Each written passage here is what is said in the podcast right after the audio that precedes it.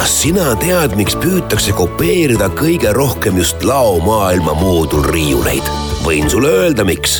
sest paremat süsteemi pole veel välja mõeldud. laomaailma moodulriiulid on loogilise konstruktsiooniga, vastupidavad ja mitmekülgse kasutusega. tule läbi laomaailmast ja veendu ise. Lähem info laomaailm.ee Kuku Raadios välja öeldud seisukohad ei pea ühtima Kuku Raadio seisukohtadega. Te kuulate Kuku Raadiot.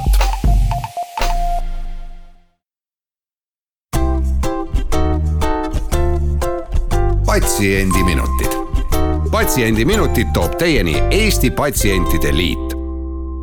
Tere, head Kuku raadio kuulajad, eetris on Patsiendiminutid ja saadet juhib Kadri Tammepuu.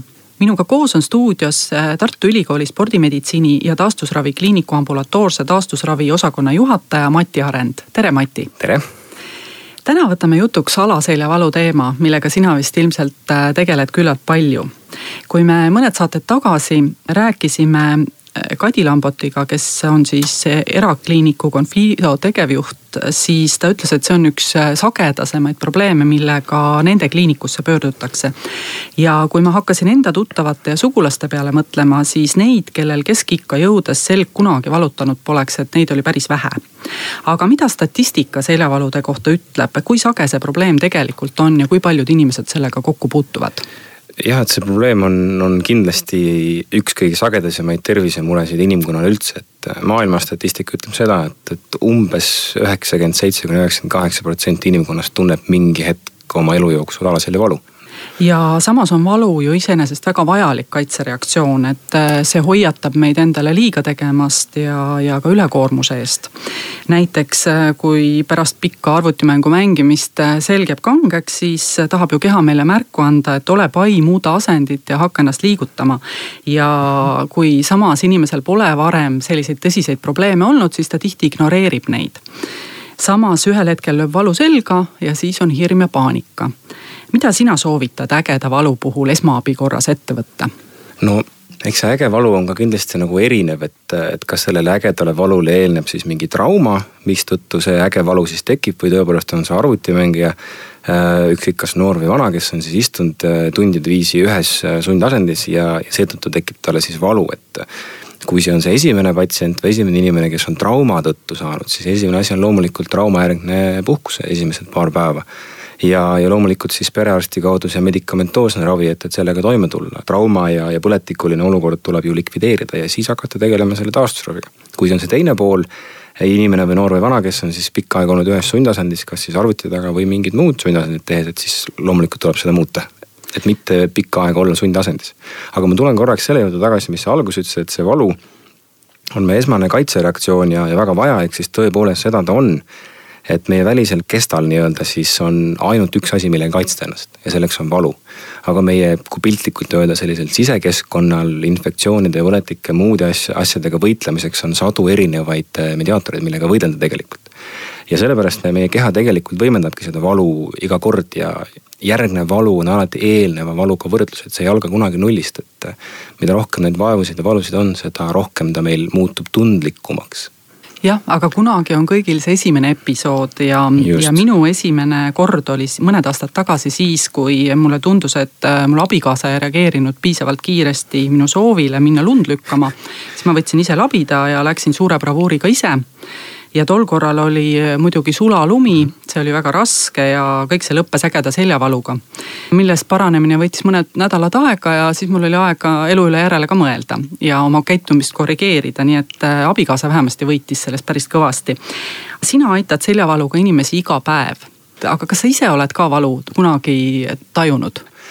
kuna minu taust on sportliku taustana tegelesin sõudmisega, siis ka mina tegin endale sporti tehes jõusaalis olles liiga, et ja olin samamoodi nädal aega üsna sirakil pikali, et äh, üsna terav valu ja üsna tülikas valu, et, et see seljavalu on, et see halvab kõik meie liigutused ja, ja see kartus selle lisahaiget tegemise ja, ja, ja lisakatki minemise ees on päris suur. Meil läks õnneks, meie valud läksid üle, kõik seljavalud ise üle ei lähe ja osad neist muutuvad krooniliseks, et ähm, kas on ka teada, kui paljusid inimesi krooniline alaseljavalu puudutab? Sellise täpse numbri ma praegu jään küll võlgu, aga kui ma vaatan siis enda patsientkonda, kes käib iga päev minu juures vastuvõtul, siis ma julgeks öelda, et, et see protsent on kindlasti sinnapoole lähedal, viiekümne protsendi juures kõikidest nendest seljavaludest, et, et see on üsna, üsna suur protsent. mõnedes maades on ta suurem, mõnedes maades väiksem, mõnede erialade puhul on ta kindlasti suurem ja mõnede erialade puhul seda jällegi ei ole, et kui me võtame mängu selle sõna krooniline siis meil ei tule enam mitte ainult see biomehaaniline ja biomeditsiiniline faktor sellesse valusse sisse, vaid on ka see psühholoogiline komponent, on see sotsiaalne komponent, et näiteks sinu seljavalus oli väga suur komponent, eks oli mees ja abikaasa, eks, et kes mängis seal suurt rolli. ja siis on loomulikult see majanduslik faktor, et mõni patsient, mõni inimene, kes äh, ütlebki, et tema on tegelikult ainukene inimene, kes toob perele sissetulekut, aga ta on kroonilise seljavaluga, ta on väga-väga hädas. Ja ta ei saagi midagi muuta, et aga räägime natukene ka, et mida see krooniline siis täpsemalt tähendab, et ähm, me ju teame, et diabeet ja AIDS on ka kroonilised haigused, mis saadavad inimest elu lõpuni.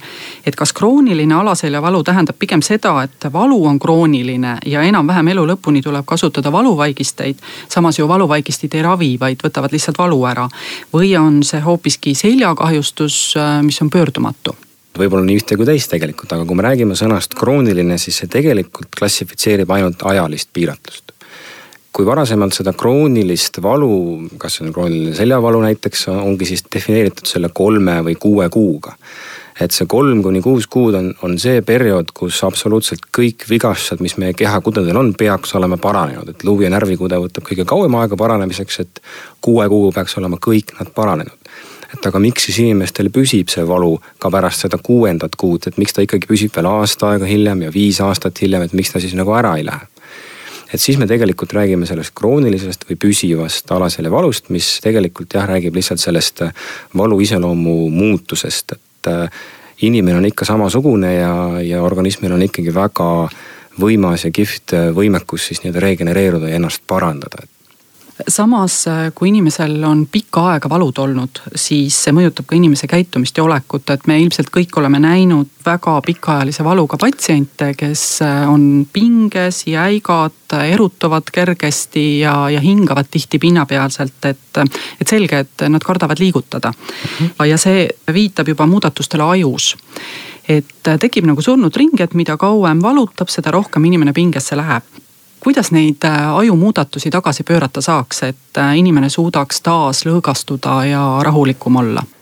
krooniliste vaevuste, krooniliste pikaaegsete valude korral on see tegevus ikkagi, peab olema süstemaatiline, äh, järjepidev ja progresseeruv et me peame hakkama nendest tegevustest pihta, et mis tõstavad siis selle inimese või patsiendi julgust liigutada. aga me peame vastama nendele samadele küsimustele, mis äh, ma enne välja tõin, et mis on nende jaoks need kõige suuremad komponendid, mis põhjustavad nende vaevust. et kellel on see psühholoogiline komponent, siis loomulikult me räägime, et see psühholoogi, kliinilise psühholoogi vastuvõtt on äärmiselt oluline.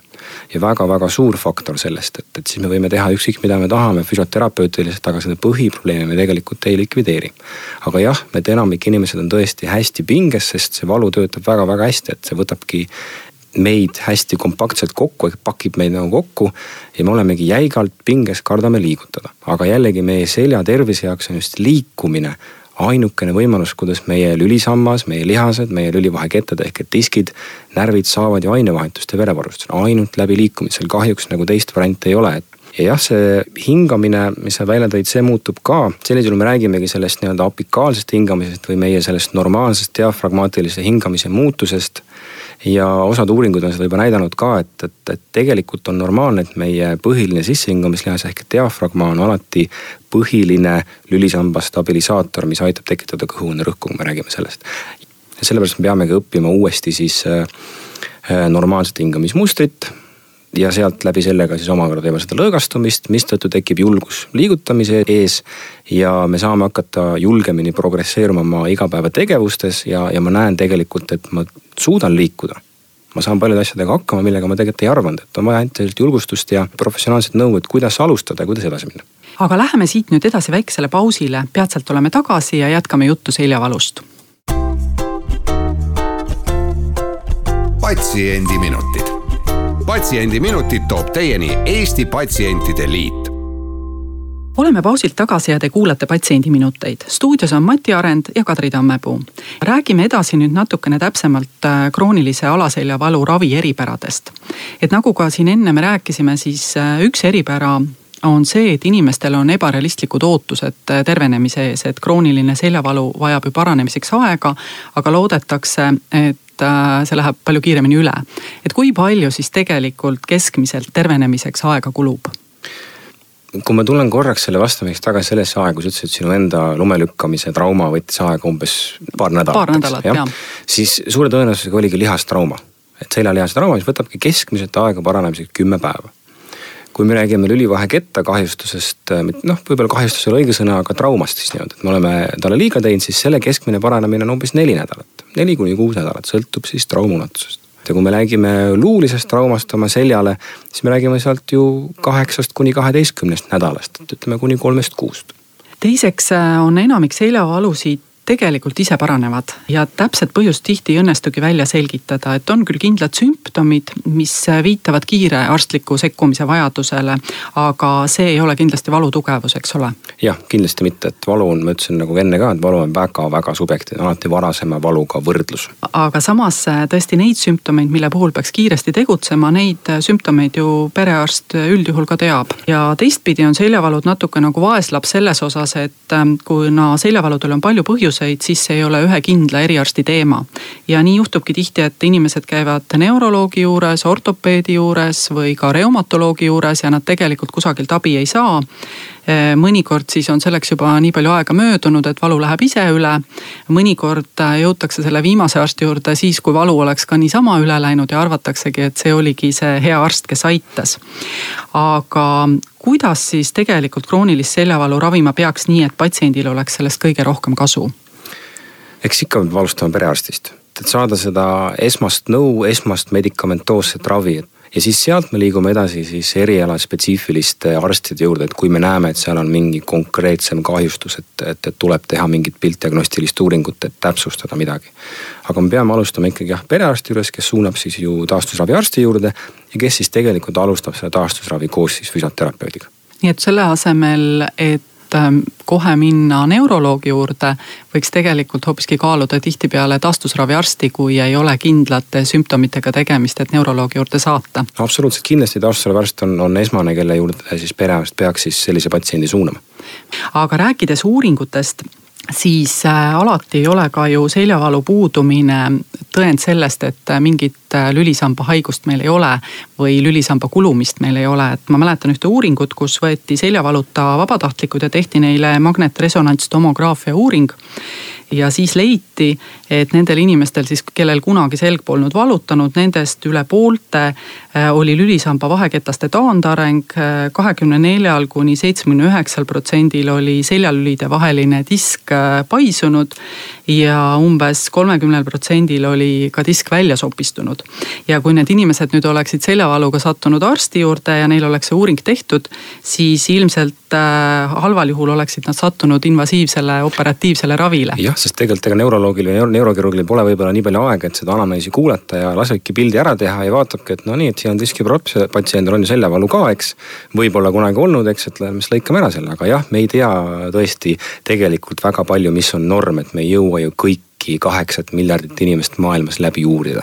nii ta on ja, ja samas on äh, öelnud kirurgid, et äh, operatiivset ravi vajab tavaliselt seljavaluga patsientidest umbes üks protsent.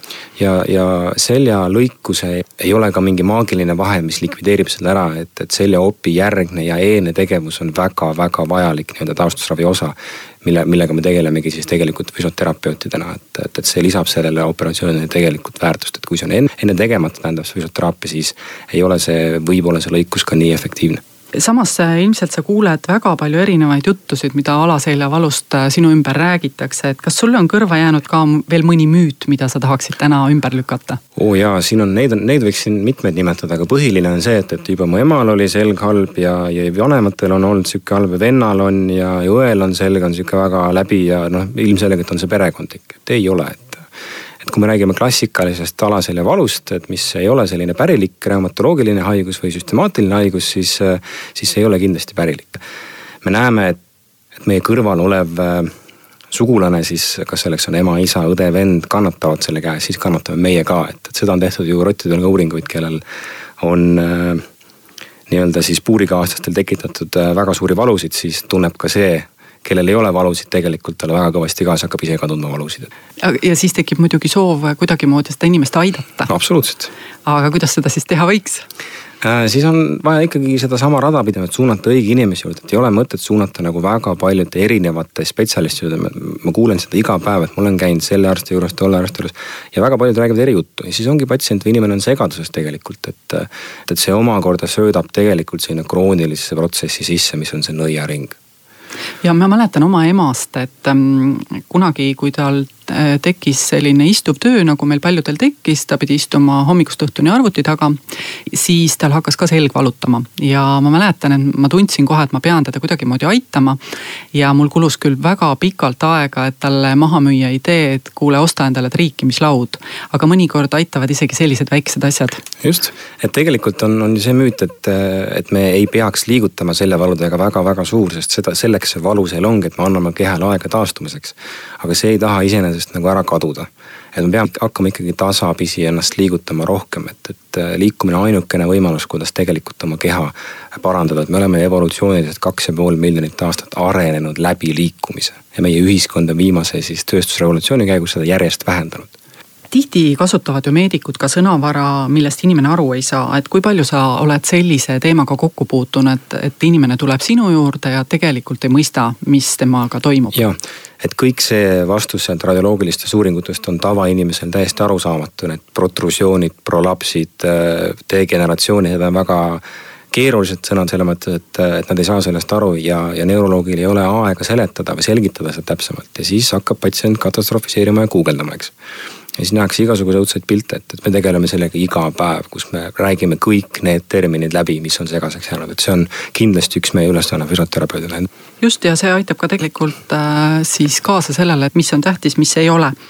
aga meile antud aeg hakkab selleks korraks lõppema kui me mõtleme, mida siit kaasa võtta, siis. seesama asi, et, et kas me saame nädala jooksul kolm tundi liikumisaktiivsust kätte, et, et see on väga-väga see liikumissoovitus, sada viiskümmend minutit. ja teistpidi me ei pea kogu aeg mõtlema ja stressama sellepärast, et meil ei õnnestu seda korraga võtta, vaid äh, piisab mõnikord sellest, et äh, teed väikese pausi, teed ühe harjutuse. ja kui sa teed seda piisavalt sageli ja vahepeal siis natuke kõnnid ka, siis juba enam-vähem see liikumine tulebki täis. täpselt, meil on loogikas, et üks on parem kui null väga hea, aga suur aitäh, Mati, saatesse tulemast. ja, aitäh kuulamast. Äh, ja täname ka kõiki kuulajaid. stuudios oli füsioterapeut Mati Arend ja saatejuht Kadri Tammepuu. Kuulmiseni järgmisel nädalal samal ajal ja seniks olge terved.